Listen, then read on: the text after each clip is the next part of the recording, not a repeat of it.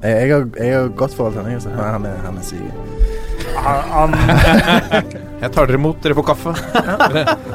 Nå mista jeg lyden i høretelefonene. Der kom de tilbake. Ja. Ja, det er hyggelig å være her. Jeg er glad i, i podkast som fenomen. Jeg må ut. hjemme mot Lyngen Karnes gikk de på et litt leit 0-19-tap eh, her. Hvilken Så det- divisjon snakker vi? Er det tredje eller fjerde? Fjerde, fjerdedivisjon.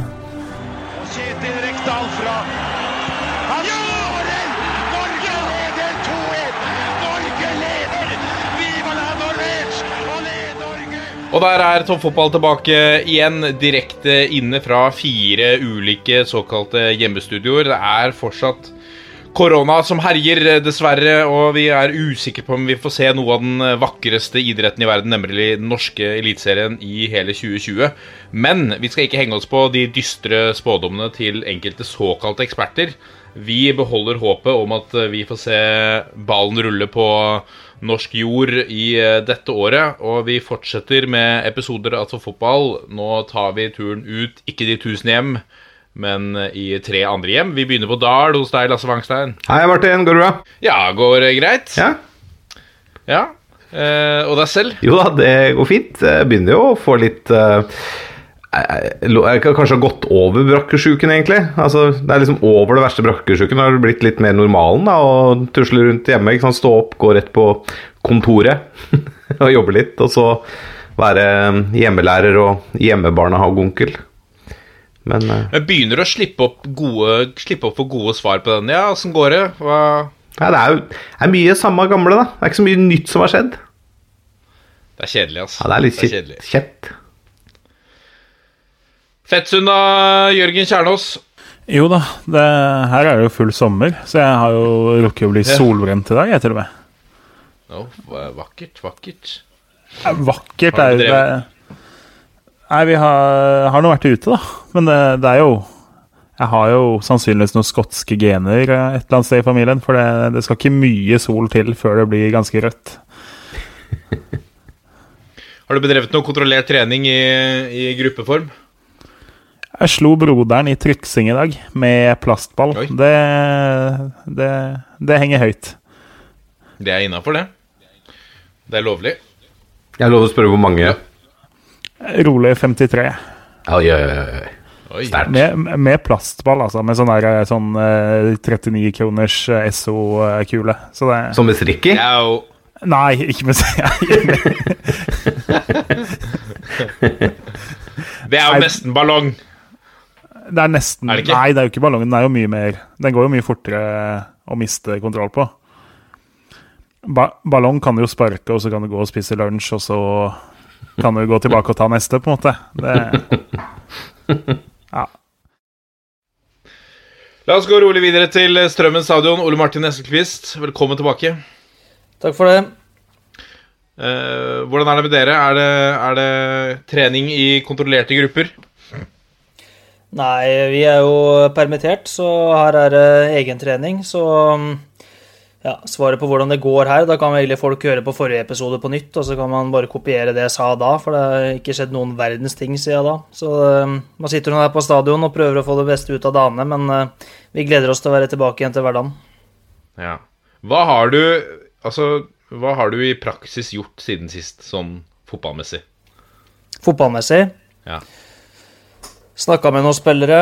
Uh, sett en del internasjonal fotball for å prøve å finne klipp på spillestil som enten eh, er eh, gode referanser for oss, eller som kan være en slags inspirasjon. Sett noen Augsburg-kamper i reprise. Augsburg er ganske artig å se på hvis folk har lite å gjøre. Uh, ja, det er vel sånn kort oppsummert. Men selv om spillerne er 100% permittert, har dere lov å gi de spesialtilpassa treningsprogram som de bør følge? Nei. eh, så hvis jeg snakker med spillere nå, så er det de som på en måte kontakter meg og lurer på et eller annet. Ok. Jeg kan ikke mm, sende mail til en spiller og si at nå, denne uka her skal du gjøre det og det. Men eh, ja, det er jo, fordelen vår er jo at spillerne våre er ganske, ganske selvdisiplinerte, så de greier seg veldig fint sjøl. Og så rakk vi å sende ut eh, veldig mye før gutta ble permittert, så de har en bra database. Hvorfor Augsburg? Kan jeg spørre om det? Fordi at eh, det var de Haaland debuterte mot, for Dortmund. Og da ble jeg litt sånn fascinert av eh, en sinnssykt høy bakre firer når de forsvarte seg. De står ekstremt lenge med bakre leddet sitt når de forsvarer seg. Og da ble jeg litt sånn interessert i hvorfor de gjør det, og hvordan det stort sett fungerer. For mot Haaland fungerte det jo ikke bra. Så um, da har jeg sett litt på det, og det har vært um, Det er litt ålreit å få litt sånn uh, innblikk i det. For det er jo ikke ting som, altså De klubbene og de lagene som gjør ting som er litt uvanlige, er ofte litt artig å se på. Jeg ville tenkt at du må Det høres jo utrolig naivt å gjøre det mot en rask spiss, men at det kan funke mot en Jostein Flo-type. Ja, helt sikkert. Men det er jo eh, samtidig altså kan, altså Hvis du blir veldig veldig god da, på å stå veldig høyt og sette spillere offside, så er det jo den beste måten også å forsvare mot en rask spiss. Men eh, da skal du være god på det. Nå må de faen meg skjerpe seg, så kommer jeg å rive hodet av hver enkelt av dem.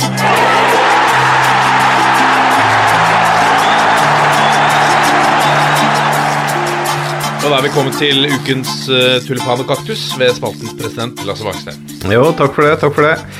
Ehm, jeg begynner ehm, jeg begynner med tulipan denne uken her.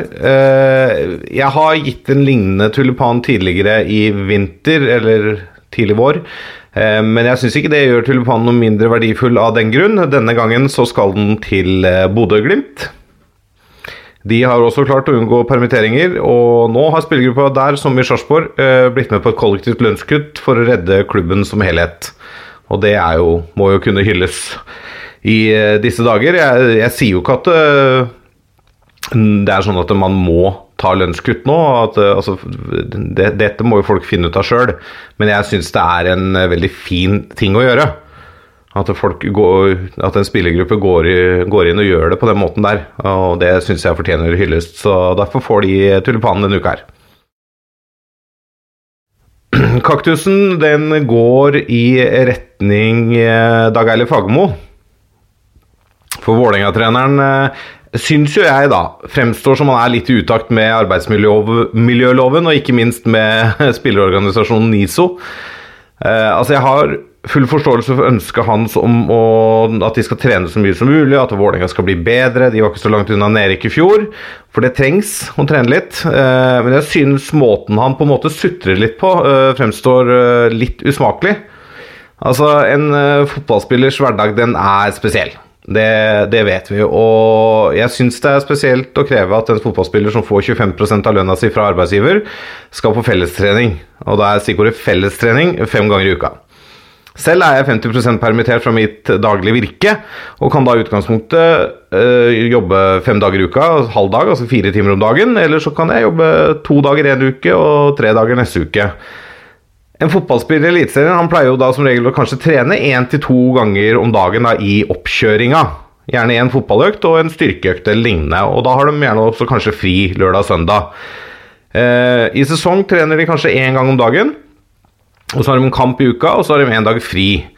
Eh, men hvis du så sier da at eh, nå i oppkjøring så trener de to ganger om dagen i syv dager, så er det 14 økter. Nå, er jo ikke jeg mattegeni på noen som helst måte, men 5 av 14 økter er ifølge kalkulatoren på mobilen min 35 rett i overkant av 35 Eh, Og det i regnestykket i seg selv er jo urealistisk. Og da snakker vi altså fellesøkter. Så han vil jo da at de skal trene 35% av et gitt eh, 14-økters eh, perspektiv på en uke. Og det er jo ulovlig i forhold til permitteringsgraden. Eh, og jeg klarer vanskelig å se for meg at spillere som er permittert, sitter hjemme på ræva og ikke rører seg. Og ikke trener. Da gjør de seg selv en enorm bjørnetjeneste. Så jeg syns Dag Eilif Fagermo og Vålerenga og andre klubber som har permittert spillere, må bare respektere det, og så må de komme til en minnelig løsning. Og nå har de landa på tre, etter ifølge rapportene litt uh, hissighet, holdt jeg på å si. Litt uh, høy temperatur på noe, noe møtevirksomhet der. Uh, og det syns jeg høres mye mer fornuftig ut, da, i kraft av den 25% som de er, er ansatt, og de er 75% permittert. Så um, fem dager i uka på jobb når du er 75% permittert, det er mye. Det er vanskelig Det er vanskelig skvis, det der, altså. Fordi Fordi eh, litt som de Litt som eh, spillerne jo sier selv, så, så eh, Man havner litt sånn Jeg vet ikke om dette er barken og veden, men man, man ønsker jo å holde seg i form. Og man vet at, at dersom man skal få spille når man kommer tilbake, så er man nødt til å være i form.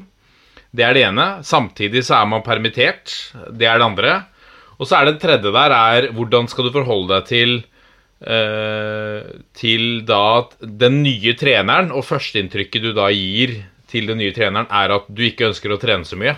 Ja. Det er en, det er en vanskelig Det er en vanskelig situasjon. Altså. Ja. Så i hvert fall som spiller, tenker jeg. Og, og jeg skjønner jo Niso litt ved at man reagerer på at man blir satt i den posisjonen som spiller. Ja, det er akkurat det. ikke sant? Altså, hvis hvis Altså, altså jo vanlig vanlige arbeids øh, øh, hverdag, da.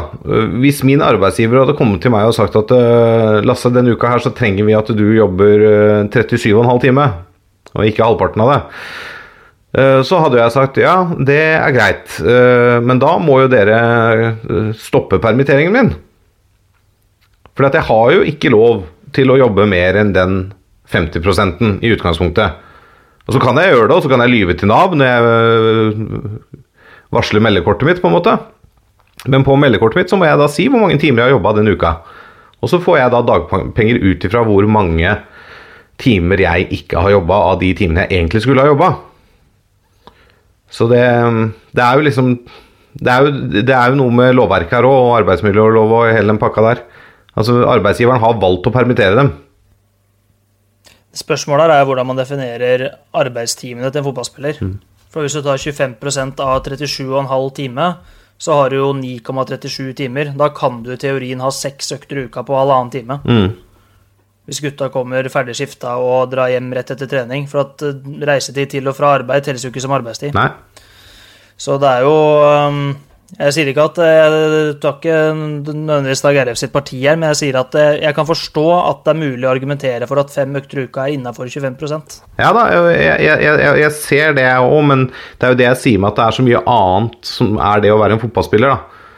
Altså, Når en fotballspiller ligger på massasjebenken da, fordi at han eh, har en litt stram lyske, er det en del av arbeidstida, eller er det egentlig bare hvile hjemme? holdt å si, Egentlig det samme? Eh, hva, nå har de jo ikke lov til å gjøre det heller. For det også skal jo sies at vi, vi fotballtrenere, og det er garantert eh, Det gjelder nok mer for de klubbene som har heltidsansatte spillere òg. Vi forventer jo ikke at eh, spillere skal være på jobb i 37,5 timer i uka vanligvis. Vi forventer at de skal være på jobb mye, mye mer. Vi forventer jo at de er 24-timersutøvere, som vi sier. Og da, det er jo egentlig krav om at du skal være på jobb 24 timer i døgnet. Du skal legge deg for at du skal være god på trening dagen etterpå. Du kan ikke spise pizza på onsdagskvelden for at du skal prestere til søndagen. Så, så det, det der med arbeidstid det er vanskelig, for at nå plutselig er det en, skal det være viktig. Mens i hverdagen ellers så er det jo ikke spesielt viktig, verken for fotballtrenere eller spillere. Det er jo ikke å det er ikke noe vits å legge skjul på det at eh, arbeidsmiljøloven er jo noe som eh, ikke alltid blir fulgt i eh, toppidrett. Vi går litt utafor, som regel. Ja. Både på og utafor banen, si. Stemmer det. Det hadde jo vært litt morsomt i andre jobber òg, hvis du risikerte en tofotstakling i knehøyde sånn uh, fra tid til annen. Absolutt. Hvis du liksom risikerte etter en dag på kontoret at du faktisk måtte en time på behandlingsbenken for å komme deg, komme deg opp dagen etter. Nå kommer pulsen. Og Da er vi kommet til pulsen, og vi begynner pulsen i Tromsø, hvor eh, Simo Valakari takker for seg på et eh, litt pussig tidspunkt.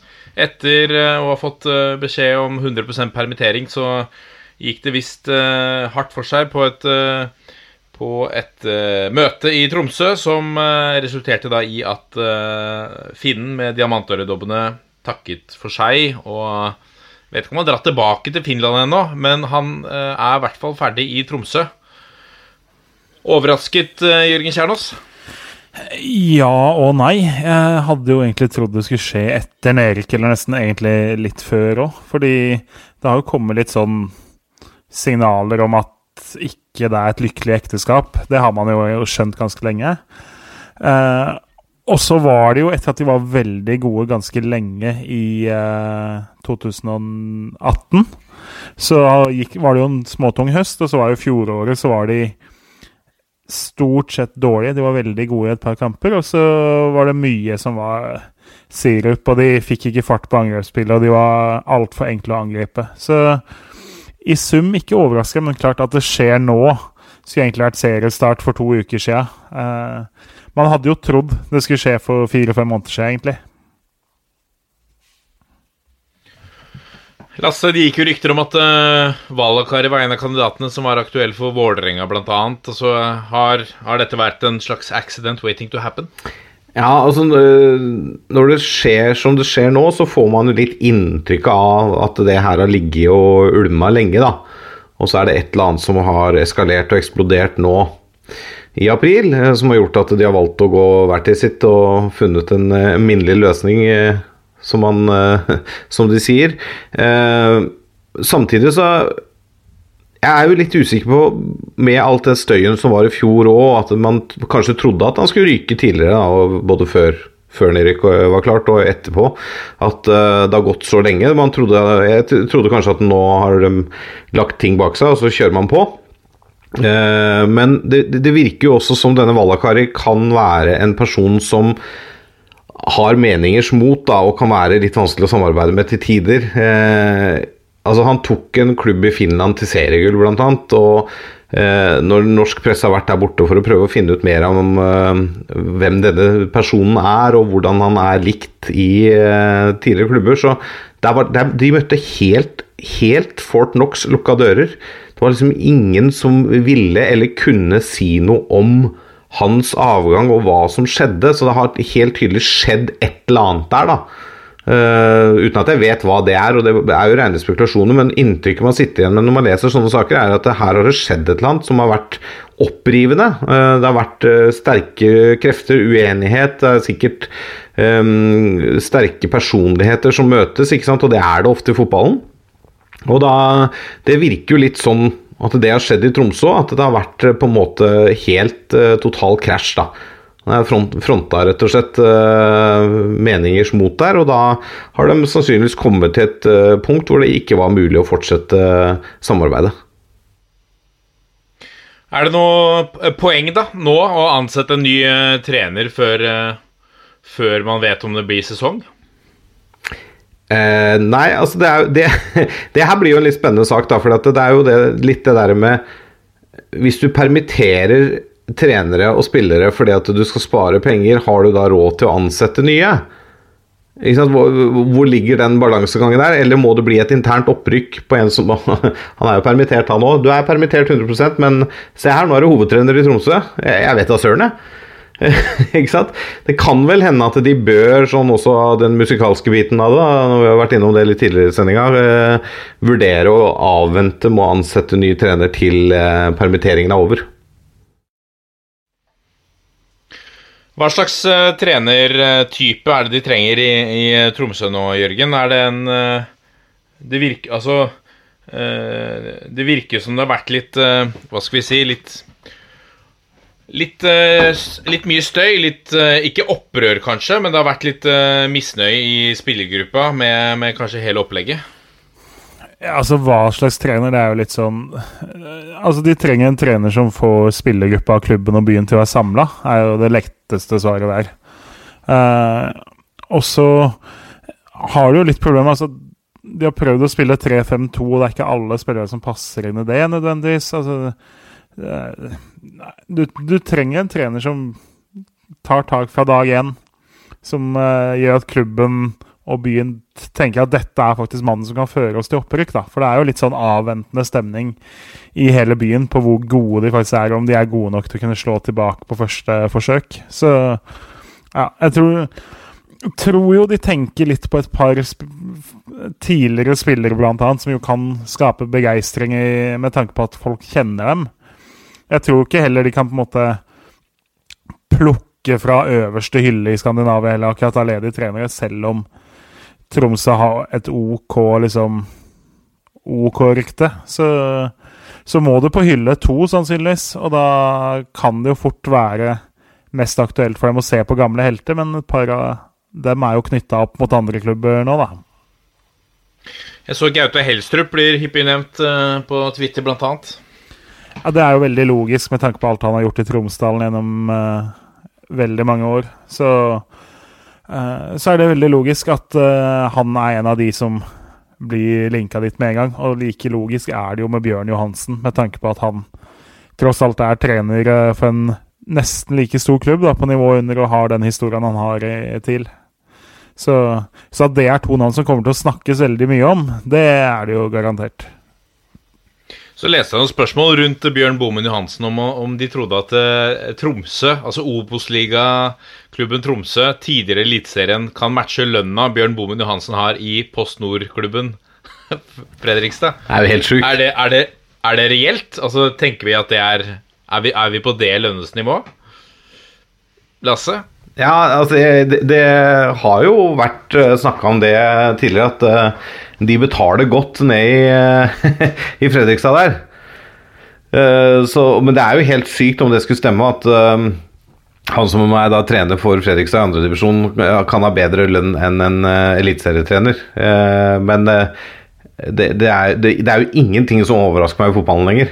Så jeg ville jo ikke blitt kjempesjokkert om det stemte, men det er godt mulig. Jeg, jeg, jeg kjenner dessverre ikke lønnspolitikken verken i Fredrikstad eller Tromsø. Altså. Flaks at vi har en fra Østfold da, i, eh, i studio på Strømmen stadion her. Hvordan er tro, Tror vi at lønnsnivået til Bjørn Bomen Johansen i Fredrikstad er høyere enn en hovedtrener i Tromsø, Ole Martin? Det er umulig å si, men eh, det er klart at FFK ligger jo høyere enn eh, i hvert fall flere Obos-klubber på lønnsnivå. Og så aner ikke jeg hva Bummen tjener for noe, men, men eh, at eh, FFK er konkurransedyktig i norsk fotball på økonomi, det er ikke noe tvil om. Så, men så så jeg vel Tromsø hadde gått ut og sagt noe at eh, de skulle ha en trener på et lavere lønnsnivå enn Valakari, sa det vel til Nordlys. Jeg vet ikke hva det vil si, men Nei. La oss, la oss gå videre. enn eller vil du si noe mer, Jørgen?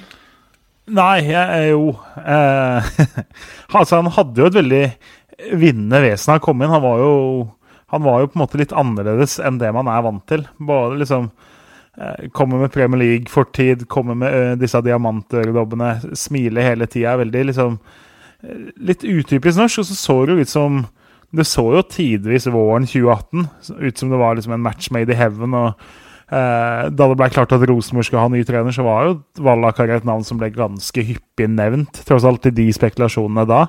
Så det viser jo på en måte hvor, hvor fort ting kan snu, da.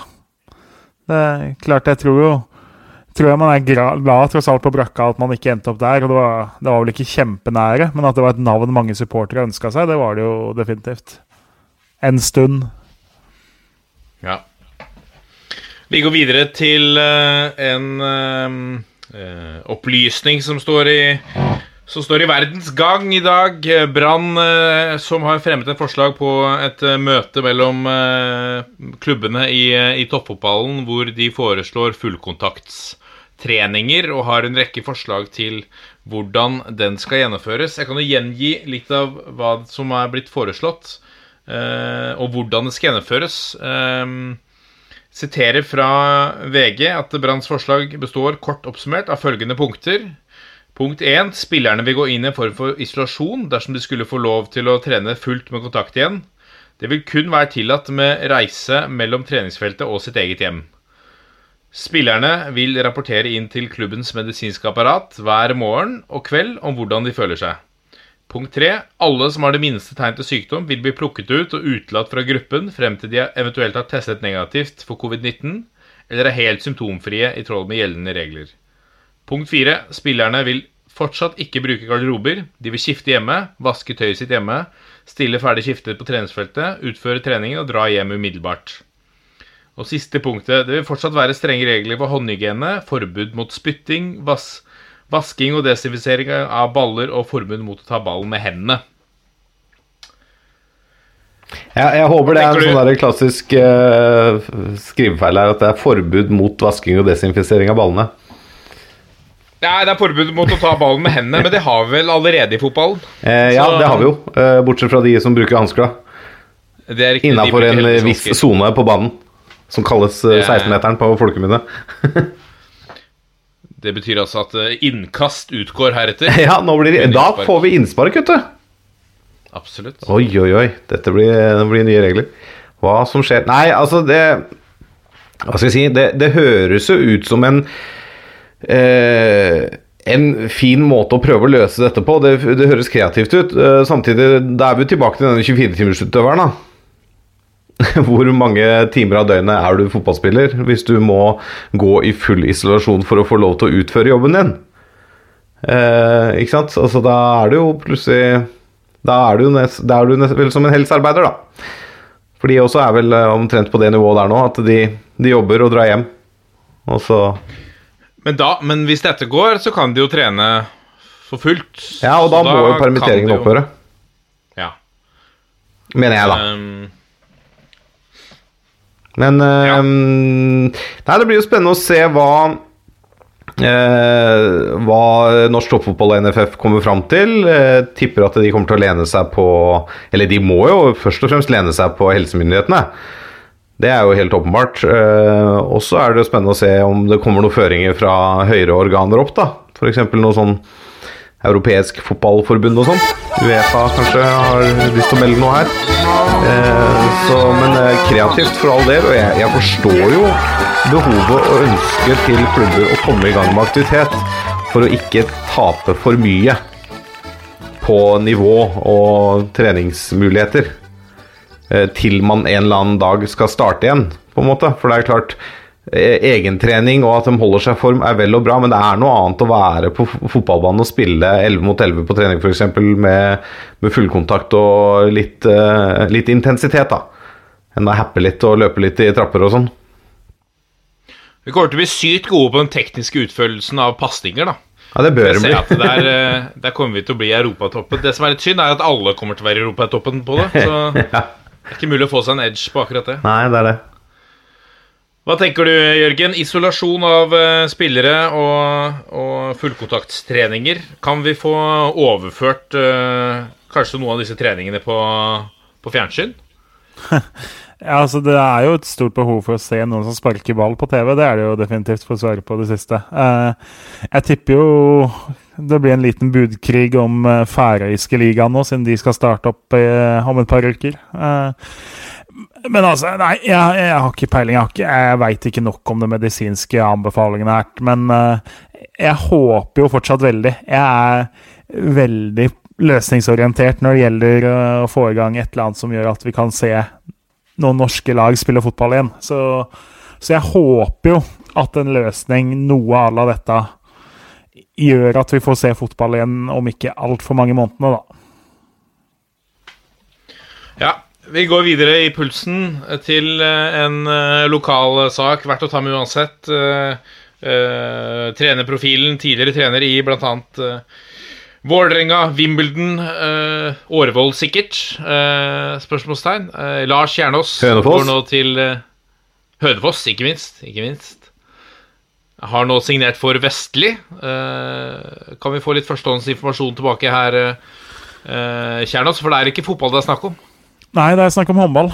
Eh, skal vel ikke overspille rollen, men skal være med litt som sånn sparringpartner for trenere og spillere. Og har jo en del erfaring fra lagidrett og toppidrett, da, som jo kan dras nytte av også for de som kaster ball istedenfor å sparke den. Eh, så er det jo litt sånn at håndball og Vestli og Stovnerhallen det har vært eh, et fristed ganske lenge for oss. Det, det er en del dommere og bortespillere som har fått høre det ganske kraftig fra den kjernåske klanen på tribuna opp gjennom åra der, så eh, Så altså, det er ekte Det er faktisk altså, ordentlig lidenskap for ham. Jeg tror det er litt der han har følt han kan være supporter, da.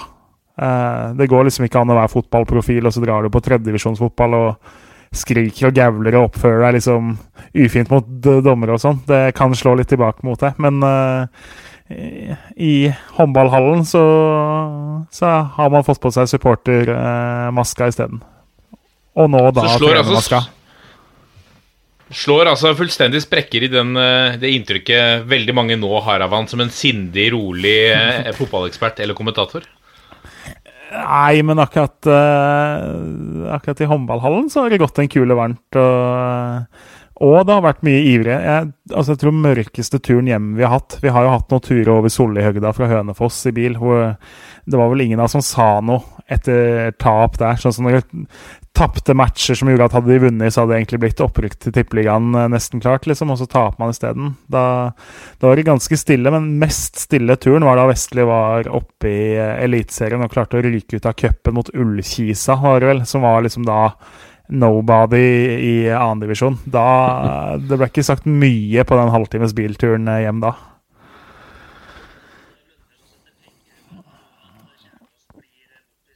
Ja, hvis han skal være med på benken der, så tror jeg det hadde vært noe vi Odd-selskapene måtte prisa ganske lavt, ja. Det, og så har Så, så ja, det, det kunne nok skjedd. Men du, For å henge litt i, i akkurat eh, det du snakker om der, da. Du, du har jo vokst opp med en, en, far som har vært tett på i toppfotballen, alt fra Vålerenga og ikke minst i Premier League.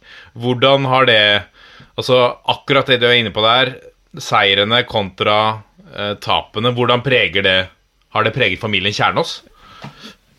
Nei, altså De eh, søndagene som gikk dårlig, så ble det jo ikke sagt så voldsomt mye. Og, altså, Det blir jo litt sånn. Og det var veldig rart måte å vokse opp i Oslo hvor på en måte foreldre og folk du gikk i klasse med og spilte fotball med, var jo Vålerenga-supportere, og så kommer liksom ei sønnen til treneren og ikke sant, Halvparten av foreldra syns sikkert faren din er en dust når de har tapt to kamper på rad, på en måte. ikke sant, det er jo Men jeg kan ikke si at det er noe merka på noen annen måte heller, liksom. Men det, akkurat det var litt spesielt. Ellers eh, så har jeg ikke kjent noe sånn voldsomt på det. Nei. Nei Nei, ikke så mye om det. Men det er vel tatt noe valg sånn trenermessig, altså takka nei til noen jobber da, pga. familie og sånn. Det er jo. Så både utlandet og Norge. Så jeg kunne ha bodd på mye rare steder rundt om i ja, Både i Norge og i verden for øvrig. Sånn hvis Det er jo noen trenere som flytter på en måte hver 15. måned. Hadde vi valgt det samme, så hadde nok oppveksten sett ganske annerledes ut. Så han, han kunne endt opp i han kunne endt opp i Aserbajdsjan, typ. Har det vært på det nivået? Nei, men han sa jo nei til den assistentjobben i Irak med Drillo, blant annet. Ja. Eh, Østerrike og Færøyene, som jeg veit om, i hvert fall. Eh, jobber der. Molde og Skien kunne vel også vært eh, mulige bostadssteder da jeg var liten. Så eh, mye tilfeldigheter, tross alt. Og det jeg er jo glad det blei som det blei. Ja, Dette gleder vi oss eh, til å høre mer om selvfølgelig i spesialepisoden Kjernås eh, møter Kjernås. Ja, som eh, vi vil Vi snakka jo om det denne våren, men det døde jo litt ut av disse tingene som har ødelagt alt annet her i samfunnet siste tida. Det gjorde det. Den kommer knallsterkt tilbake. Den Det, som mye det vil gjøre det. La oss gå videre, da. For vi har fått en e-post fra en uh, trofast lytter eh, som heter Jan Mikael Grefstad Innholt, og han, uh, han raser litt. Nå skal det smelle. Han skriver Det er frustrerende når en ellers god podkast ikke kommer opp med én eneste spiller fra talentlaget Start til talentelveren i forrige podkast. Man blir oppgitt når den evig undervurderte vingen Espen Børrelsen ikke blir nevnt i diskusjonen om de beste spillerne over 30. At man elegant hopper over innsendte spørsmål, kan jeg leve med. Men det som gjør en sørlending forbanna, er når Vindbjart blir viet mer tid enn Start til sammen over flere episoder. Få huet ut av hovedstadsgryta, og igjen vil jeg høre hva dere tror er beste grunnene til at Start skal overraske i år. Om det blir for sært, kan man utvide spørsmålet til å gjelde andre lag tippet bunnen, som Sandefjord, Mjøndalen og Vålerenga. Med veldig hilsen Jan Mikael. Det var jo en, eh, en, en salve, Jeg elsker skal vi kunne si. Eh, Så må han jo krype til korset der. Han kommer i en oppfølgermail rett etterpå. da Jeg tror han får drast litt fra seg, for han sier eh, noe om at eh, de hadde jo faktisk ikke så mange som er unge nok til å komme med på det talentlaget. Så De er unge og gode, men de er ikke så mange som er unge nok. Ja, og for å forsvare oss litt når det gjelder Børhusen, så uh, han uh, har vel ikke spilt fotball på et par år omtrent, tror jeg. Han har vært mye skada. og har jo vaka litt ned i Obos der også, så det er klart at jeg hadde ikke han på førsteplass på en eh, kantplass av de over 30, altså. Selv om han har gjort mye bra, han. Du står rakrygga. Ja, jeg føler jeg klarer det. Selv om jeg sitter litt lurt her nå. vie- La oss vie eh, Sørlandsklubben litt oppmerksomhet. da. Hvordan er eh, altså Hvis vi skal se bort fra korona, hvordan er ståa nå i eh, start med tanke på eh, spillerstall og overganger osv.? Hva, hva tenker du, eh, Jørgen?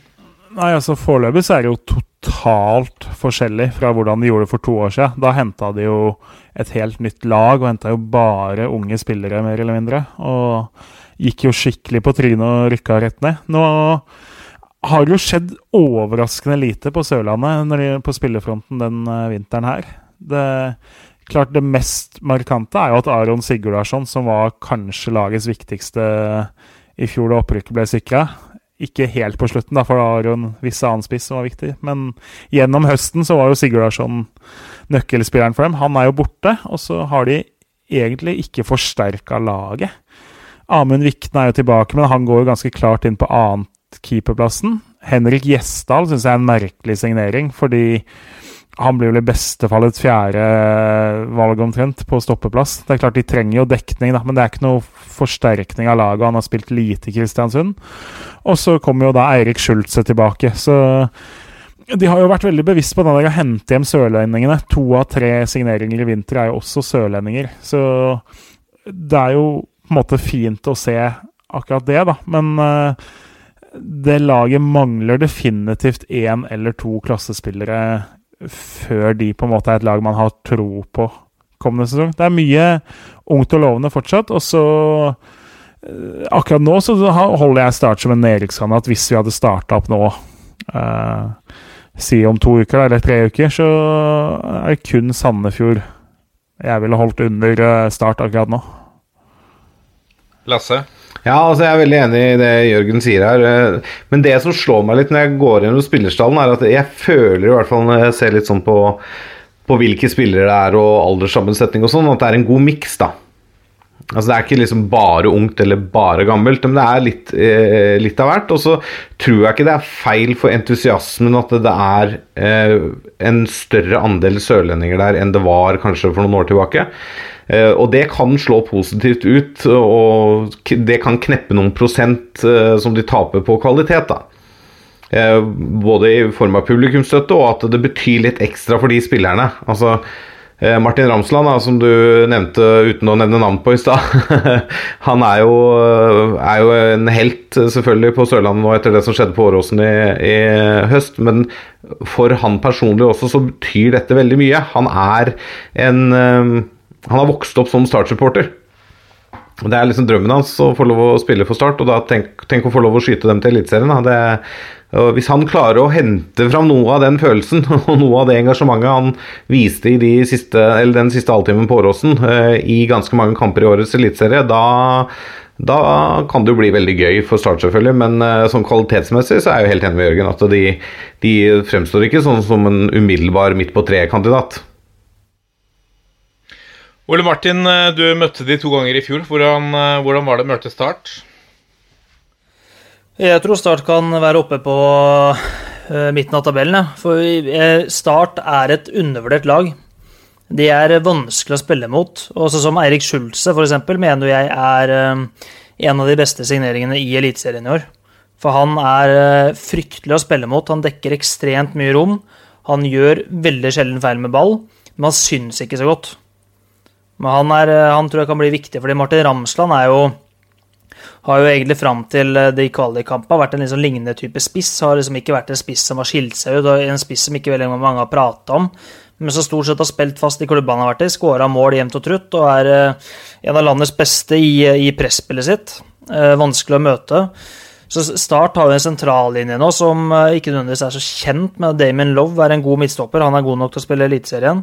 Du har eh, sentralt fått inn Schulze, du har Aremu, du har Segberg der, som er eh, også en lokalspiller som syns var bra for Start i fjor. Du har, har har jo da øh, Glemte jeg plutselig navnet hans. Ramsland.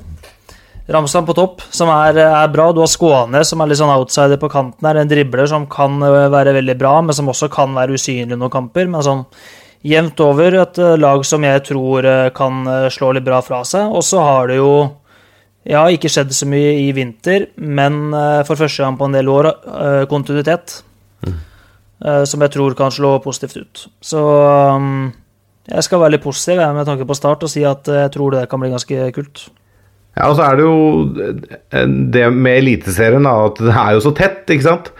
Det er, det er så jevnt at det er så, det, det er så få kamper du skal bikke en annen vei enn det man kanskje tror, som gjør at du faktisk klarer å havne på en tiendeplass istedenfor en, eh, en femtendeplass. Så hvis de får i gang maskineriet og klarer å plukke av Damien Love eh, noe av de feilene han av og til gjør, da, for at Damien Love kan jo miste huet så voldsomt òg. Men hvis du klarer å få han mer stabil, da, på at det er litt færre hodemist og litt færre tabber og røde kort Ikke sant? Ikke at det er så mye røde kort, men det er liksom det er noen hodemister der av og til. Og så, sånn som Joakim Jørgensen, som, han ble vel henta i sommer, ble han ikke det? I fjor sommer? Eh, Ble signert for sommer for halvannet år siden. Meldte overgang før sesongen i fjor. Ja, ikke sant, sånn. Men han er jo en Det er jo en erfaren spiller. Altså En sånn type spiller i den troppen der, da, ikke sant? og i den posisjonen også, det er ikke feil. vet du. Det, han har vært med på dette før. Så det, det, det Jeg syns at de har en, Jeg syns miksen da i stallen er ganske fin. Men jeg er litt grann usikker på totalkvaliteten. Men det er klart at Start har masse bra spillere, det er ikke noe tvil om. Ja. En av de det ikke har vært snakka så veldig mye om, er jo Gudmundur eh, Tryggvason. Eh, at han ikke er snakka så mye om, har jo sitt med at han stort sett har vært på utlån de to åra han har vært Starts eiendom. Eh, det er jo Trygve Gudmundssons eh, sønn, så det er klart det lover jo litt eh, Altså det bare tyder jo på at han har genene i orden. Og han har jo stått fram veldig i vinter da, etter å ha kommet tilbake fra utlån på Island. Eh, har egentlig gjort den kantplassen litt til sin og vist litt sånn Litt blanding av playmaker og driblefant. på en måte Litt sånn leken etter X-faktor over spillet sitt. Og eh, en av de er på en måte satt og tenkte litt sånn fantasy-messig, at du må jo ha noen spillere der som absolutt ingen har, andre har. Og han var, eh, var en høyaktuell kandidat til å være en av de på mitt lag, blant annet. Da. Dette er toppfotball. Og så har vi kommet til et uh, eget uh, segment. Det har blitt veldig populært uh, nå med disse tidløse diskusjonene og kåringene, og, og vi fortsetter. Det er nok å ta tak i Eliteseriens historie. Nå skal vi eh, kåre, eller diskutere, oss fram til tidenes mest undervurderte eliteserielag. Eh, hvem har på hver sin plass fått litt for mye heder og ære eh, sett opp mot betydningen av eh, den spillerens enten prestasjoner eller rolle i laget eller lignende? Her er det fritt. Argumentasjonen og diskusjonen skal gå fritt. Eh, la oss begynne med deg, Ole Martin. Jeg vet du har gjort eh, nøye hjemmelekser rundt dette. Eh, har du noen eh, Hva skal jeg si Noen eh, eh, videre forklaring på hva som ligger bak valgene dine som helhet? Ja, det, det er jo en litt sånn vanskelig, men morsom oppgave, dette her. Og så er det jo for oss som er veldig glad i norsk fotball, som har innrømmet at jeg har kosa meg litt med den oppgaven her òg. Det å sitte og se på lagoppstillinger mange år tilbake, og plutselig dukker opp noen navn som du hadde glemt, men som var litt artige når du var yngre. Så det, det har vært artig. Um, jeg vet ikke hvordan du vil gjøre det nå. Vil du ta én og én posisjon, eller vil du at jeg skal ta hele laget mitt? Jeg stemmer for at vi går gjennom eh, Vi går gjennom eh, La oss prøve å sette opp et lag.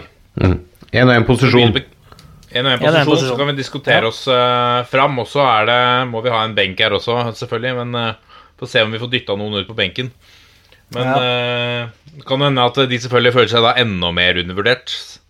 Eh, men, men sånn er det. Vi begynner på keeperplass.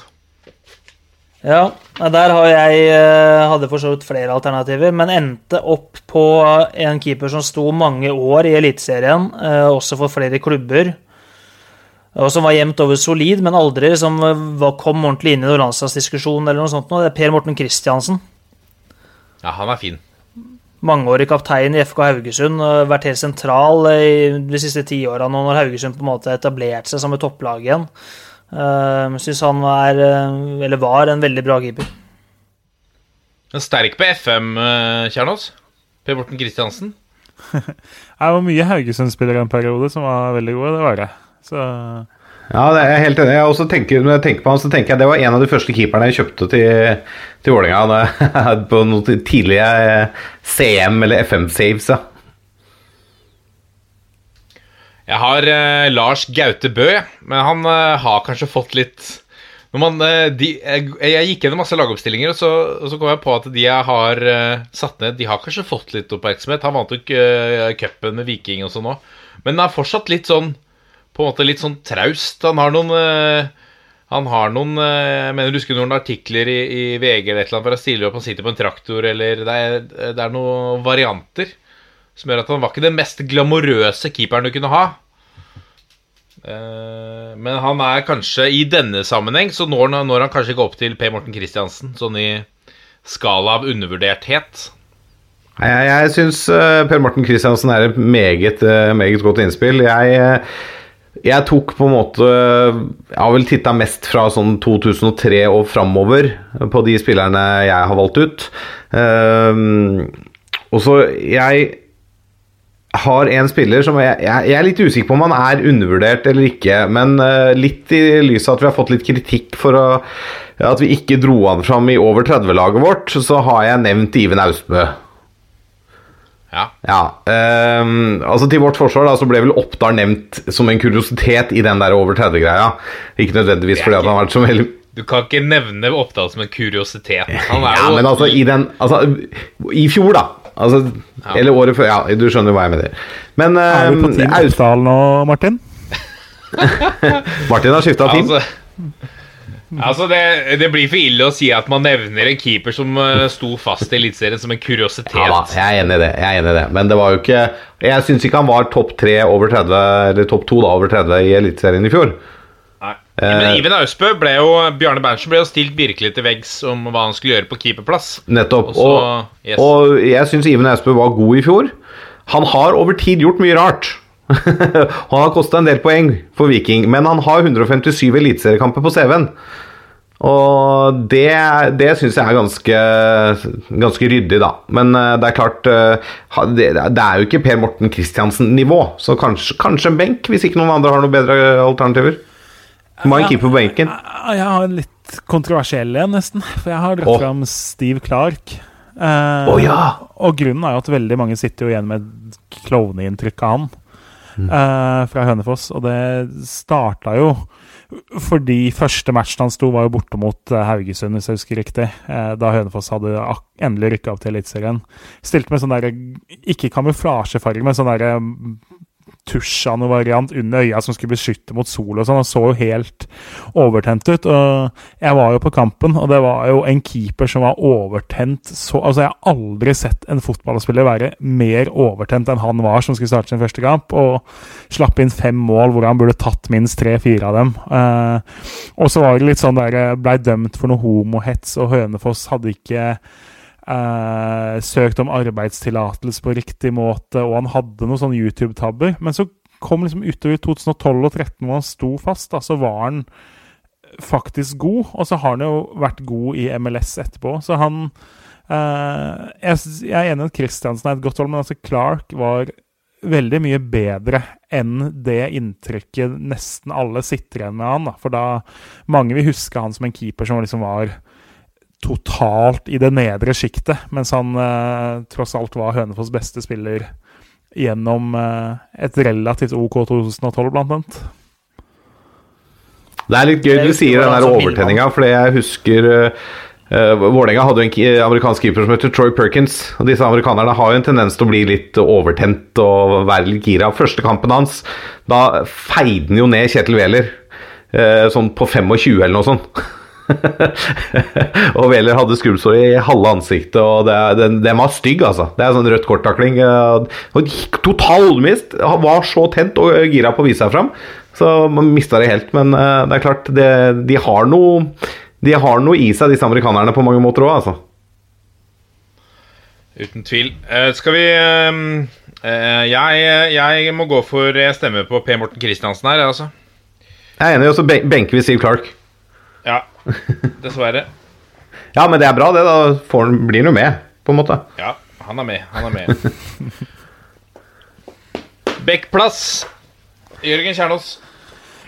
Jeg sleit med å finne høyrebekk. Jeg har satt opp laget mitt i en veldig skeiv 3-4-3, så jeg har egentlig bare en venstrebekk som jeg syns bør nevnes, og det er Knut Olav Rindarøy. Som jo for så vidt kanskje ikke er undervurdert sånn med tanke på at han spilte tross alt i Spania, har jo vært liksom i nærheten av landslaget sånn, men altså første halvdel av 2010-tallet, da Molde tross alt vant to suverene seriegull, så var han en bekk på skyhøyt nivå, og det jeg syns han i hvert fall var bedre enn det på en måte man husker han som Eller har ikke fått nok ære for det, kanskje, da.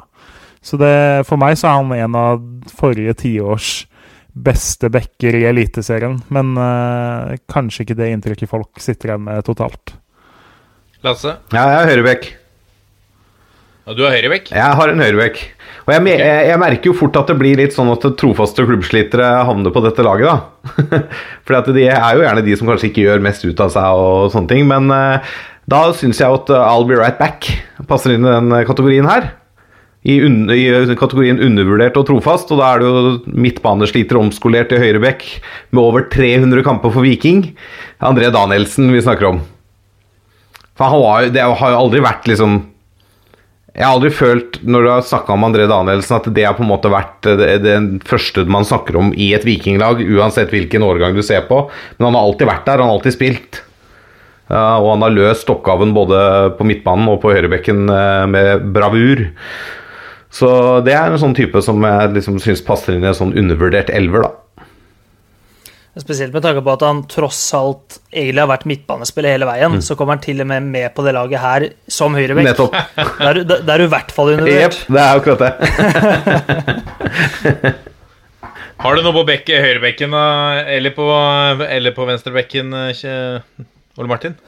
Ja, jeg har egentlig begge deler, men jeg syns det er gode tips så langt. Da. På høyrebekken så har jeg Bjørn Dahl, som på en måte og også var der i haugevis av år for uh, spesielt Brann og Hønefoss, som jeg husker, men som en, bare en solid back. Gjorde jobben år etter år, spilte stort sett klink fast der han var, og, og var bunnsolid. Um, så han fikk endte på på høyrebekken. Fikk én landskamp, landskamp eller noe sånt? Da? Ja, fikk kanskje det. Det er mulig, ja. På venstrebekk så hadde jeg, sto jeg igjen med to alternativer. Det ene var Trond Erik Bertelsen, FFK Viking, som jeg syntes var solid i mange år. Men det endte opp på Kevin Larsen. For Kevin Larsen føler jeg på en måte Han, han, han har spilt fast for Lyn, eh, Tromsø, Sandefjord og Hønefoss i Eliteserien. Eh, og egentlig holdt ganske høyt nivå i veldig mange år uten at det egentlig er noen som husker han i det hele tatt, nesten. Altså, jeg husker han for han aner fra Moss. Bestemora hans var naboen til mamma og pappa da jeg var liten. Så jeg husker jeg syntes det var stas å se på han. Men så begynte jeg å bla gjennom uh, satt og så gjennom lagoppstillinger fra 2005 og fram til nå, og så ble jeg liksom klar over hvor mye kamper han faktisk har spilt. Det er ganske imponerende. Men han var ikke like god som Rindarøy. Kjernås. Kan jeg få nevne, han er jo også, Det er jo mye fotballspillere som liker å spille kort. Kevin Larsen er vel en av de du ikke ikke ville møtt. Han er vel dobbelt norgesmester i poker, hvis jeg ikke husker feil. I hvert fall mener han vant i hvert fall i Dublin for ett år siden. Mener han har en tittel fra før av. Så han, han er jo en, også en pokerspiller i norgestoppen, da. Så det, jeg regner med han kanskje tjente OK på bussturer til bortekamper også i løpet av karrieren. han hadde jo en, en fryktet frisparkfot. Hadde god venstrefot, da. Ja, mm. veldig god fot. Hadde. Jeg har eh, Jeg måtte ha med et Hortensalibi. Eh, jeg har Trym Bergman på, på venstre bekk. Han har tross alt 167 eh, kamper for Kongsvinger. Tok seriesølv med Kongsvinger i 92. Og hadde fikk 70 kamper i Sandefjord etter han kom fra Hamarby. Ene sesongen der er vel kanskje i, i Obos-ligaen, skal nevnes. Men en anvendelig spiller. Uh, spilte vel uh, både bekk, uh, flanke, spiss. det meste. Han har runda vel av karrieren i Jørn Horten som stopper. men en Du husker vel han også veldig godt fra Valhall, Lasse Wangstein? Hvem da? Trym Bergman? Skulle vært tremålsskårer, han der. Ja, jeg, jeg har noe jeg, prøv, jeg har prøvd å glemme det, men jeg husker han, ja. Gjør det. Godt innspill. Mange takk. Da har vi André Dahl-Nielsen og Bjørn Dahl på høyrebekk. Og på venstrebekk eh, Rindarøy, Bertelsen, Kevin Larsen og Trym Bergman. Eh, jeg stemmer jo selvfølgelig på, Ber på Bergman. Jeg, jeg, jeg må si Rindarøy, altså. Ja. På venstrebekk, da. Ja, jeg kan være enig i det. Rindarøy var bedre enn Larsen. Da står Rindarøy. Og så står eh, Danielsen eller Bjørn Dahl. Jeg, jeg syns jo Jeg er ikke noe med fare for å få på meg halve Stavanger. Jeg syns jo ikke André Danielsen Klart, Nå husker man jo på en måte tida hans på slutten godt, men som høyrebekk så holder jeg Bjørn Dahl høyere, definitivt. Uh, Det er greit. I og med at han tross alt var høyrebekk. Hæ? Ja, ja, altså Bjørn Dahl var bunnsolid i ganske mange år. Så det, jeg, jeg lener meg mot Bjørn Dahl, i hvert fall. Jeg gjør det samme i og med at eh, Ja, som sagt. Du spilte han inn? Nei, jeg spilte han Nei, det ikke. Nei, det gjorde du ikke. Nei. Stoppeplass, da. Eh, Vangstein, har du noen? Ja, jeg har et par stykker der òg. Og jeg har egentlig havna på to sørlendinger. Begynner med han første. eh, og, og om han er undervurdert, det vet jeg ikke. Men eh, av siden han debuterte for, eh, i Eliteserien for Odds ballklubb i 2006, så har denne mannen fra Sørlandet Se her får jeg colagreier, vet du. Det er servering. Han mannen fra Ikke bli vant til, fikk jeg beskjed om. Så har mannen fra Sørlandet spilt 356 kamper i Eliteserien for Odds ballklubb. Eh, lite overskrifter, lite rør, bare solid stopperspill år etter år. Steffen Hagen. Eh, han er jo ikke Han er liksom aldri helt der oppe i den diskusjonen er, bør, altså, det, det er selvfølgelig noen som spiller inn, eller har prøvd å spille inn på landslaget og sånn, men uh, jeg syns han har vært undervurdert i mange år. Han har vært solid for Odd altså, i, i år etter år etter år og har vært viktig for et Odd-lag som har spilt uh, solid defensiv fotball i mange år, sluppet inn lite på mål, så han syns jeg må inn. Ole Martin? Eh, ja Jeg har uh, også en som for så vidt har vært i Odd, blant annet. Uh, en som også har spilt en del toppkamper, men som var vel kanskje litt innom landslaget en periode. Torjus Hansen. Som ga seg for en del år siden, og ga seg vel i 2011, tror jeg. Men han også husker jeg veldig godt som en sånn ordentlig solid stopper. Litt samme kategori kanskje som Steffen Hagen i dag. At det spilte i mange år, var bunnsolid, men ble liksom aldri snakka så mye om, for det var ikke så mye rør og sånn. Skal sies at sånn i eh, Trener-Norge så er jo Steffen Hagen langt fra undervurdert. da. Ja. Der er han jo veldig, veldig anerkjent som en bunnsolid eliteseriestopper, en av de beste vi har. Eh, Og det kan jo Tønne Tore Sansen var en gang i tida òg. Siste jeg har, er Jan Tore Opphaug, som eh, spilte for Brann, og så var han mange års, eh, fire-fem år kanskje, utenlandsproff i Odense i Danmark, og spilte fast der. Og kom hjem og avslutta for FFK. Han har jo faktisk medalje i Eliteserien både med Brann og FFK, som er en ganske sterk prestasjon. Spilte fast eh, når han var der, så jeg endte opp med å ta med han som eh, stopper sammen med Hans Hen. Ja. Kjernås? Jeg har eh, Jeg hadde også Hagen som ett av fem navn jeg liksom sto mellom. Eh, Så jeg veldig tenkte på Mika Koppin nå, men som var veldig, veldig god. Eh, Og så lurte jeg litt på Dan Peter Ulvestad for å prøve å finne noen sånn 2020-alibier i laget. De to jeg endte med, så endte jeg opp med Umar Bangura, som i mange år i Hønefoss var vanvittig god. Og så hadde han da tre ganske solide sesonger i Haugesund på starten av 2010-tallet. Og eh, landslagskaptein eh, for Sierra Leone hadde, skulle egentlig til Crystal Palace da han havna i Hønefoss fordi han ikke fikk arbeidstillatelse i England. Så hadde han spilt i en større klubb enn Haugesund, så hadde han fått mye mer oppmerksomhet i 2012 og 2013 enn det han fikk, da. Jeg mener jeg husker jeg hadde han innpå årets lag, i hvert fall siste sesongen der.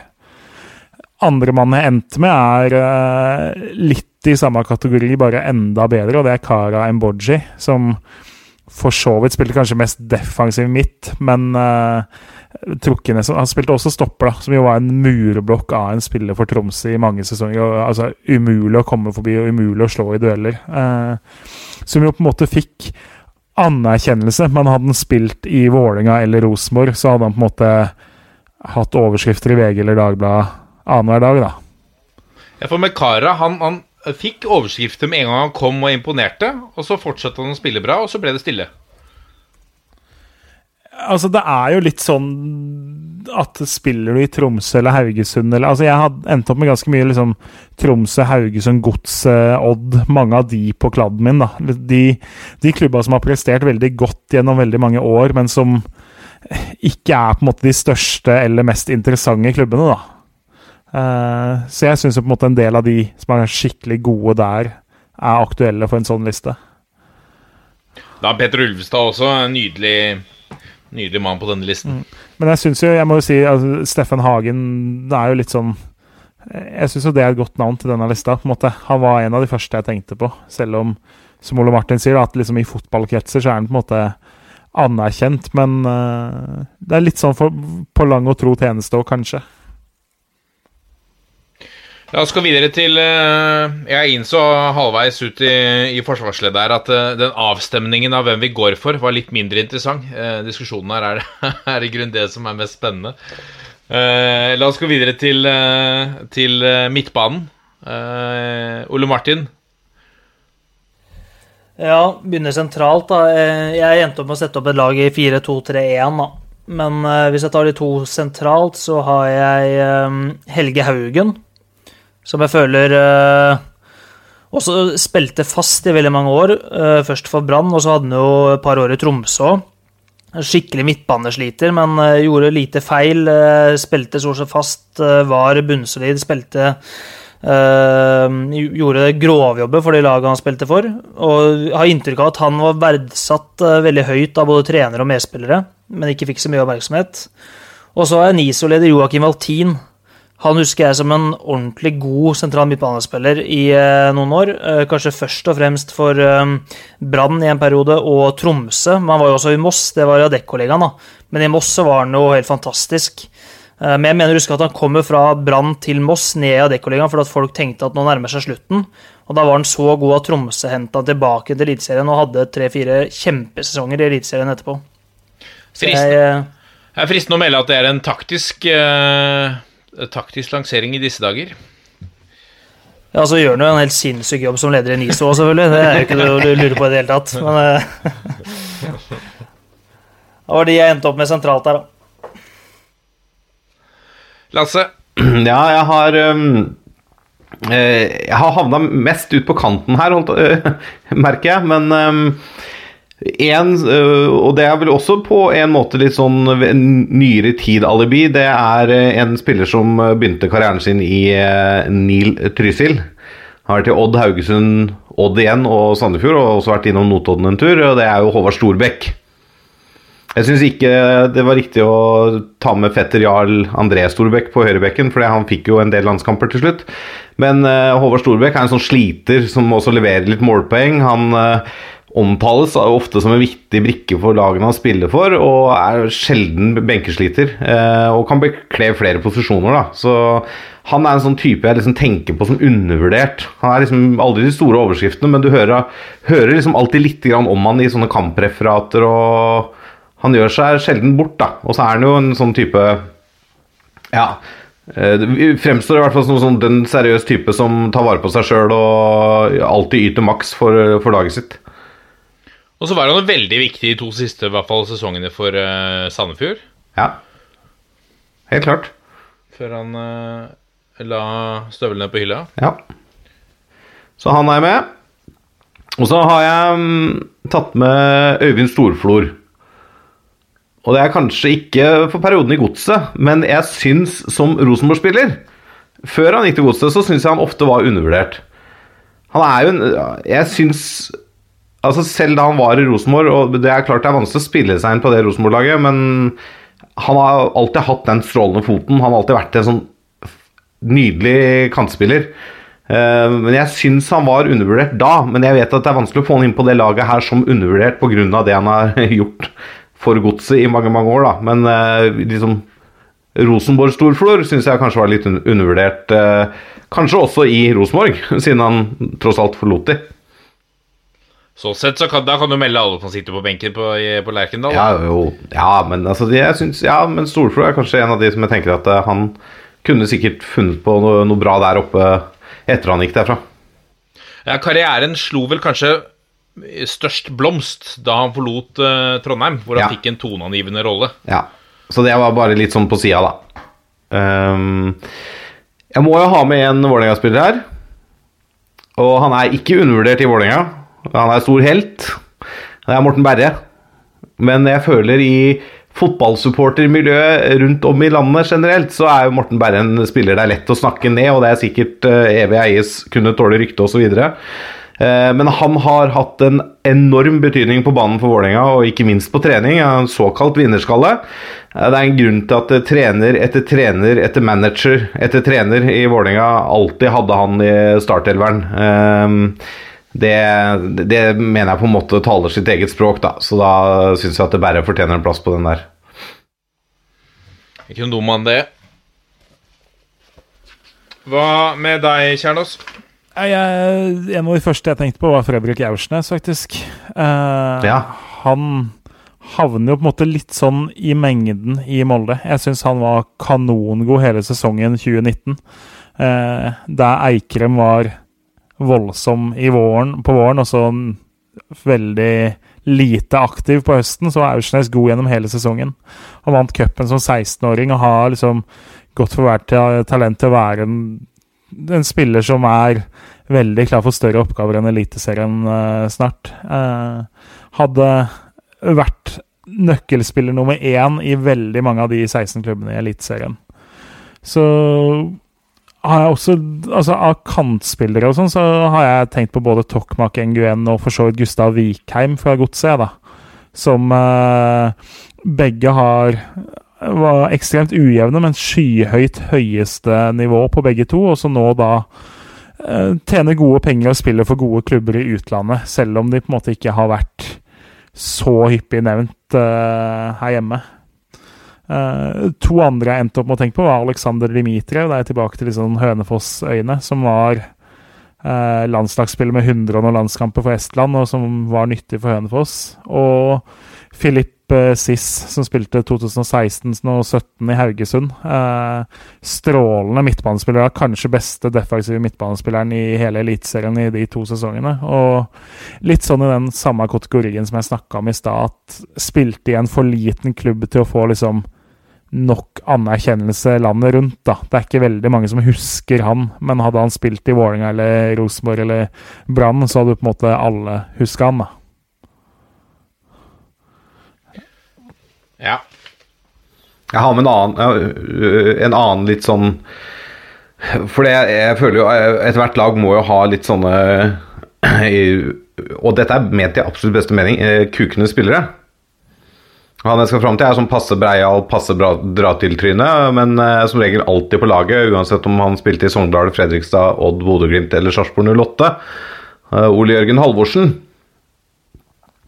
Han er, føler jeg på en måte er en sånn type som eh, ja, som alltid er der, på en måte, for de lagene han spiller for. eh, og som er, er sånn passe eh, kødden eh, å møte, og, og det er viktig å ha noen sånne i, en, et lag, da. Absolutt. Jeg har eh, Jeg har eh, for så vidt eh, Jeg hadde Men det er jo Jeg tenker på den forsvarsspiller Monir Hamoud, som har vært innom en rekke, en rekke klubber. Står med en respektabel eliteseriekarriere uten de store overskriftene. Eh, Tommy Stenersen er en annen eh, mann som vel fikk én landskamp eh, til slutt. Etter at han heller ikke fremkalte de, de største tabloide overskriftene. Jeg kom til å huske, nå har jeg glemt det, og det er ikke så bra podkast, det, men, men vi har hatt en gjest som fremheva Tommy Stenersen som en av de bedre han hadde hatt i stallen eller spill på lag med eller noe lignende. Var ikke det André Muri, kanskje? Det kan stemme. For Han vurderte jeg som en sånn undervurdert forsvarsspiller, men så tenkte jeg på Holme Berre fra Vålerenga. La oss gå videre fram til de helt er framme. Uh, de får jo ofte mye oppmerksomhet, da, spissene, når de skårer mye mål. Men jeg regner med vi har funnet fram til noen likevel. Ole Martin, hvem har du på topp? Jeg driver egentlig fortsatt og vingler litt. Altså, den eneste jeg veit skal være med her på laget mitt, i hvert fall, det er eh, Martin Wiik. Eh, som eh, har skåra ganske mye mål, men som, eh, som aldri Jeg føler han, han spilte eliteserie i ti år, men fikk aldri gjennombruddet sitt. Men skåra liksom mål år etter år. Skåra for Glimt, skåra for Sarpsborg, skåra for FFK. Um, utrolig god avslutter. Litt sånn uh, Eliteseriens variant av Ole, Ole, Ole Gunnar Solskjær en periode. Vanvittig god på den avslutte på ett eller to touch bort til lengste hjørnet. uh, ned rundt keeper. Um, ja, synes, jeg syns han var en god spiss. Litt som målgarantist. Hvis han spilte fem kamper på rad, så visste du at det kom et par-tre skåringer. Slo gjennom i, eh, i Odd. Ja, Han fikk i hvert fall Han starta der, men jeg vet ikke om han fikk en ordentlig gjennombrudd. Ja, han gjorde kanskje det. Jeg sjekka nå 15 skåringer på 60 matcher. Jeg mener at det var der han skåra sine første. Og at det var liksom eh, Det var mye oppmerksomhet, for han var veldig ung. Ja, det kan stemme. Men han også har jeg alltid huska kun som et talent. Og så la han opp. Det er litt sånn Ja. Og Fredrik. Dulsvik. ja. Kjernås. Er på spissplass. Ja. Åh, det Ja, jeg hadde litt lyst til å ha med Peter Kovacs, jeg. Ja. Eh, og det er litt sånn Undervurdert. Ja, fordi at man tenker på han som den der veldig endimensjonale spissen. Eh, one trick pony. Han eh, har vel blitt toppskårer to ganger. Jeg prøvde å telle opp, han har vel 180 mål på eh, 14 sesonger. Det eh, Altså, han har levert gjennom ekstremt mange år, og er litt sånn man husker han litt som sånn Litt sånn som man husker Peter Crouch, da. Altså du på en måte anerkjenner ikke helt den spillertypen. Det blir litt sånn derre Den høye, lange spissen som kun liksom kan én ting. Men han var så veldig mye mer for veldig mange klubber, da. Men jeg klarer at den den går an å argumentere mot å si at måte han har vært med så lenge og vært snakka så mye om at eh, han ikke passer inn her. Men eh, jeg syns han var bedre enn det ettermælet jeg tror han kommer til å ha i norsk fotball. Ja. Jeg kjøper argumentasjonen. Eh, Hvis han skal med på det laget her, så må Storflor eh, være med òg, for da får du i hvert fall tolv skåringer i løpet av året. Det Det er er ikke noe å lure på. Ja. Det er sant. Noen andre på spissplass? Ja, ja, altså i samme sånn der får ikke helt nok oppmerksomhet, så er Nikola Djurdjic, eh, som jo sammen med Thomas Sørum for Haugesund var ekstremt god. Og det er bare å se hva han har gjort. Eh, han holder jo koken ennå i Hammarby, og hva han har gjort ellers. Han var Fikk til og med en egen sånn ringelyd, han. Så, det- eh, han var sykt god for Haugesund. Jeg tror at hadde han spilt i Eh, igjen, spilt i en av de store klubba, så hadde han virkelig vært huska som et av tiårets eh, store navn i norsk fotball. Hvis han hadde da hadde gått videre fra Haugesund til Rosenborg, som vel ønska han, så tror jeg han hadde vært uh, en spiss veldig mange hadde holdt veldig, veldig høyt i norsk fotball. Uh, så ja, for meg er det et navn. Og så har jeg litt sånn Adama Diomande inne i samme. Han har vel Eh, altså, han har vel 0,6 mål per kamp i Eliteserien eller et eller annet. Og selv om han har spilt på landslaget og sånn sett er litt vanskelig å kalle undervurdert, da, så er vel han en av de spissa som over mer enn 50 kamper har det beste skåringssnittet i eh, norsk fotball dette årtusenet. Så, men lett å glemme liksom, lett å glemme at han var med på gullet til godset. Jeg jeg er litt usikker på at Hvis jeg hadde prøvd en sånn Sporkle-greie, hvem var de 20 som spilte mest for godset i 2013, så kunne jeg ha funnet på å glemme han, eh, nesten. Da eh, På trenersiden, da. Undervurdert trener. Ole Martin Esselquist. Han har ikke vært i Eliteserien. Nei, det er ikke meg, nei. Uh, nei, den kom litt brått på. Skal vi se, undervurdert uh, trener. Uh, ja, veldig Vi skal tenke veldig fort da. Det er ikke bare bare det, da. Eh, nei, send videre, så skal jeg få 30 sekunder til. Christian Mikkelsen, Kristiansund.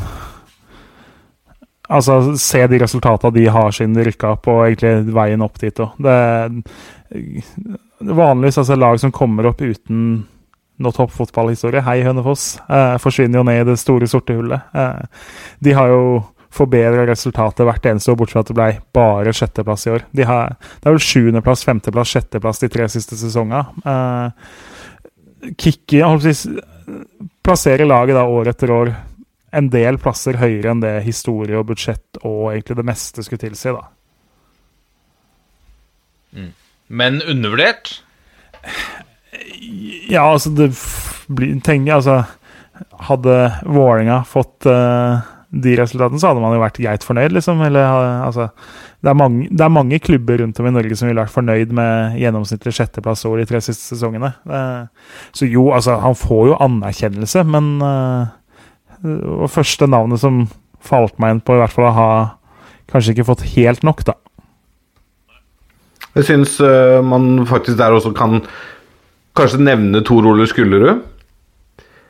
Han tok eh, tross alt Molde til gull, eh, og mange vil jo si at ja, det hadde hvem som helst klart omtrent, men øh, øh, Ja. Øh, han, jeg syns ikke han fikk nok kred for den jobben han gjorde i Molde. Og så selvfølgelig var det en vanskelig periode i godset der, og det endte litt gærent, men han han tok et cupgull for Vålerenga òg. Selv om det var Martin Andresen, så var sjefen så var det han som var treneren på feltet og på, på benken. Så han føler jeg i fotball Ja, supportermiljøet i hvert fall er undervurdert av mange. Jeg har rukket å tenke. Jeg ender opp, på, ender opp med litt sånn hyllest av en som alltid havner i skyggen av sin far, Knut Torbjørn Eggen. Som jeg føler, bortsett fra i Fredrikstad altså I Fredrikstad så har han jo heltestatus, det kommer han alltid til å ha. Men de resultatene han hadde både i Fredrikstad og i eh, Moss, er ekstremt imponerende, for du ser åssen det har gått i ettertid begge steder. Så han, øh, han føler jeg aldri fikk, øh, fikk de jobbene som han kanskje burde blitt tilbudt. Var helt litt i skyggen av sin far, og er dessverre fortsatt det. Han syns jeg var en øh, ekstremt dyktig fotballmann. Ja, absolutt. Jeg kommer til å tenke på Jan Halvor Halvorsen, som jeg også eh, vår toppfotballvenn som vi har hatt i studio. En, eh, en eh, svært uh, fotballintelligent uh, fyr. Uh, som eh, vel også det fikk jeg veldig respekt for. Han var usikker på om han, eh, hvis han fikk tilbud fra en toppklubb, om han kom til å takke ja. For han, eh, der fikk han aldri tid til å jobbe på den måten han ville. Han vil jobbe med å utvikle individer over, over tid. eh, som han har gjort i, i Notodden. Fort gjort å glemme at han var i New York Red Bull som assistent og jobba med Thierry Henry på et tidspunkt. Det er et eh, stykke fra Thierry Henry til Bryne, hvor han er i, i dag. Eh, men Jan Halvor Halvorsen, en, en kjernekar eh, sånn sett. Fristende også, apropos toppfotballvenn, selv om han ikke var Selv om han ikke var eliteserietrener, Luis Pimenta tok et Kongsvinger-lag til, eh, til cupfinalen. Tapte der forventa mot Rosenborg, men, men eh, gjorde maksimalt ut av lite og fikk samlet den eh, Hva skal vi si den, eh, den gjengen på Kongsvinger rundt et lag skapte en enorm entusiasme og var kanskje litt for unorsk til at han han tok vel kanskje på et tidspunkt litt for mye plass, uh, ifølge enkelte der oppe, muligens. Uh, men det er en mann som jeg gjerne skulle sett i, uh, i enten på Obos-ligaen eller i uh, Eliteserien. Så jeg håper vi får det ønsket oppfylt på et eller annet tidspunkt. Han må komme til en rett klubb med de rette folkene rundt som ser verdien av det han holder på med, og har tro på det. Dette er toppfotball. Og da er vi kommet til lyttespørsmål. Vi skal eh, ta med oss eh, to. Eh, vi begynner med Benjamin Sears, som lurer på hvor mye koster det å få reklameplass hos Strømmen. Reklameskilt eller reklame på drakta og lignende. Er det noe dere ikke ville reklamert for? Ole Martin? Ja. Um, altså Hvor mye ting koster og sånn, det kan jeg på en måte ikke diskutere. For det er jo avtaler med samarbeidspartnere som er eh, Som er taushetsbelagt, holdt jeg på å si. eh, Konfidensielle. Eh, men sånn Det varierer veldig fra klubb til klubb, da. Så hvis Benjamin har lyst til å kjøpe skilt på Strømmen stadion, så er det bare å sende meg en mail, så skal vi fikse et eller annet. Det, det ordner vi. Um, Draktreklame også er jo, er jo um, samme der, det er ikke noe vi på en måte kan diskutere. Men sånn generelt sett så er jeg ganske sikker på at uh, hos ni av ti klubber så er det dyrere å ha reklame på drakt enn skilt. Uh, med sånne regler på noe vi ikke ville reklamert for, uh, så er jo det Vi har ikke lov til å reklamere for uh, tobakk eller alkohol. Vi har ikke lov til å ha noe politisk motiverte budskap på drakta. Og selvfølgelig ikke noe sånn rasisme eller et eller annet sånne, ting. Men det, alt dette ligger jo inne på fotball.no. Jeg sitter og ser på det nå. at Det er bare å klikke seg inn på ligaverktøykassene, så ligger jo alt du vil vite der. Det er jo ganske strenge regler på draktreklame, f.eks. På størrelser, hvor ting skal være plassert, hvor mange du har lov til å ha på brystet og bak osv. Størrelse på drakt, eh, nummer og diverse ting. Så hvis han lurer, så er det bare å gå inn på ligaverktøykassa og se. Det var sikkert det svaret han håpa på. Men, men kan, man, kan man i praksis da Kan jeg få, hvis jeg betaler nok, kan jeg få en hvilken Altså en eh, Jeg er glad i pølse, eller eh, kan det liksom bare stå på strømmen? eh, på strømmedrakta neste sesong? Så vidt jeg veit, så kan vel jeg, jeg tror ikke det er noen regler mot at du f.eks. kan betale nok og få et eh, bilde av deg for eksempel, på strømmedrakta midt på, midt på magen. Du tror det er lov. Så, men du, du kan jo ikke ha på deg noe Du kan jo ikke ha, holde en pils, f.eks. Eller du kan ikke ha en røyk i munnviken, eller Men eh, bare bilde av deg. Det, du får jo komme med et tilbud, skal vi se hva vi får til. Toppfotballogoen, eh, Martin. Det hadde vært vakkert. Jeg så Vegard Bjørgaard kom med et eh, knallsterkt eh, svar på Benjamin Sears sitt spørsmål. Han, eh, han sier i hvert fall at han vil anbefale å, å eh, ikke eh, tillate hva som helst. Fordi eh, Godset, jeg vet ikke hvilken sesong det er, de hadde Eiker Septic Service på, på drakta. Og de hadde slagordet 'Vi suger det meste'. Eiker Septic Service. Det er kanskje ikke det du er mest interessert i. Ja, fin. Vi eh, går videre til en, eh, et spørsmål fra Christian Thuesen. Han, eh, han mimrer tilbake til gamle klubber som forsvant. Merkantil f.eks. begynte på Oslo vest med gressbanen. Reddy, en annen klubb som forsvant, Løvham, fra borettslagsklubb til nesten kvalik til Eliteserien. Til å forsvinne i en sammenslåing og nå oppstå igjen. Han han skriver at han er litt på felgen nå, så nå går han og, og, og mimrer tilbake til, eh, til det meste. Kommer vi på lignende klubber som, eh, som hadde sin gamle storhetstid? Vard Haugesund er vel også en av eh, en gammel storhet før sammenslåingen. Ja, det er, du, du havner jo fort i sånn sammenslåingsvarianten, eh, da. På de der, altså Sandefjord ba- ballklubb. Var jo i toppdivisjonen i flere år. eh, Har jo fostra opp eh, den spilleren med nå nest flest landskamper. Torbjørn Svendsen. Ja, eh, så det, det er jo en sånn klubb som på en måte dukker opp der. Jeg husker jo fra tidlig, tidlig 90-tall, tror jeg de spilte cupfinale, fra Bergen. Fyllingen i blått og gult. Tapte vel 5-1 mot Rosenborg. Så det er liksom Det er noen sånne klubber som dukker opp der, da. Det er klart. Fyllingen ble vel til Løvam, Ja. så ble Løvam til Fyllingsdalen igjen. Jeg, jeg, jeg, jeg, har ikke helt oversikt over Ja, det. de, ja de, nei, Fyllingen og Løvam slo seg sammen til Fyllingsdalen. Uh, greier, ikke sant? Lø, Løvam hadde jo topplaget. Fylling, Fyllingen hadde historien, administrasjonen, stor barne...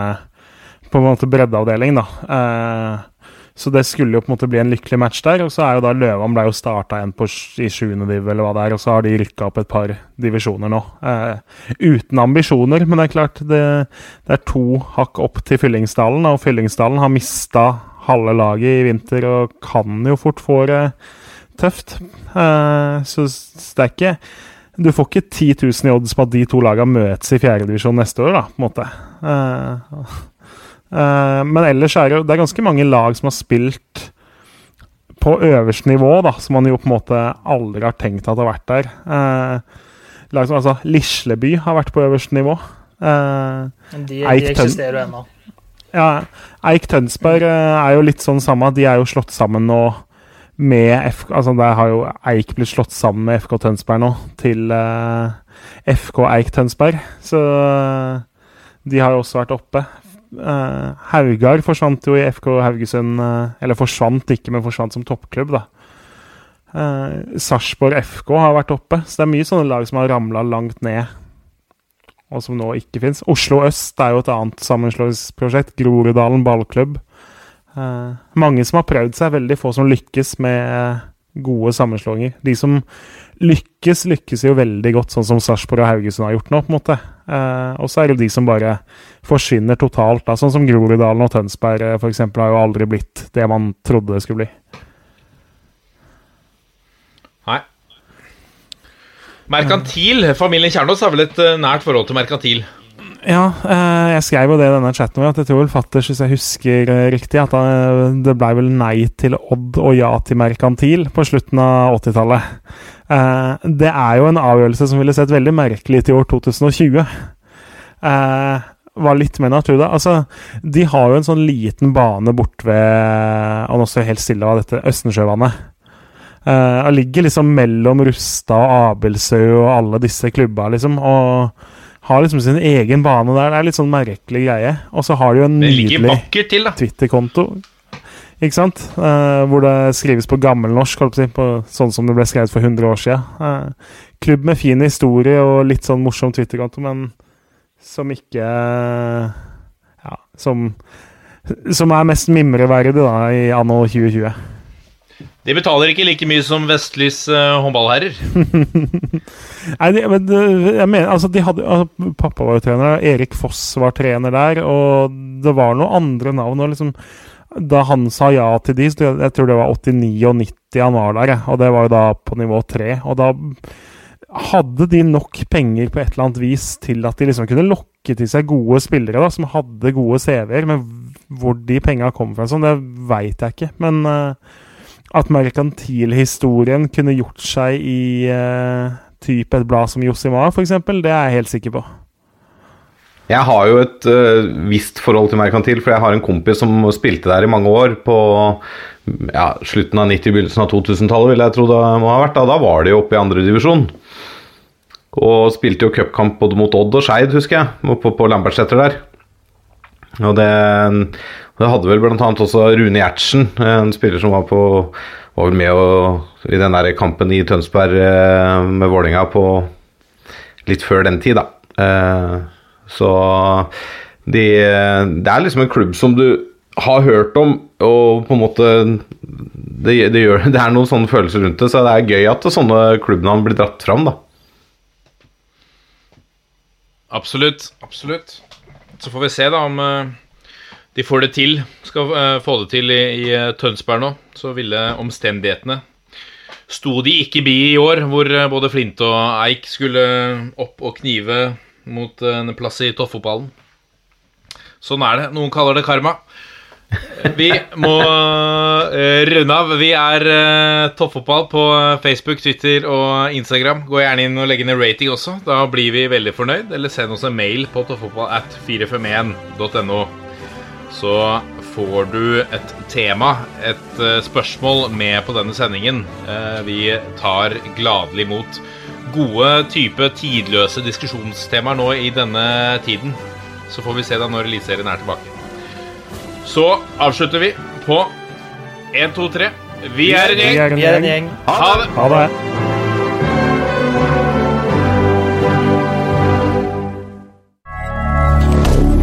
Moderne media.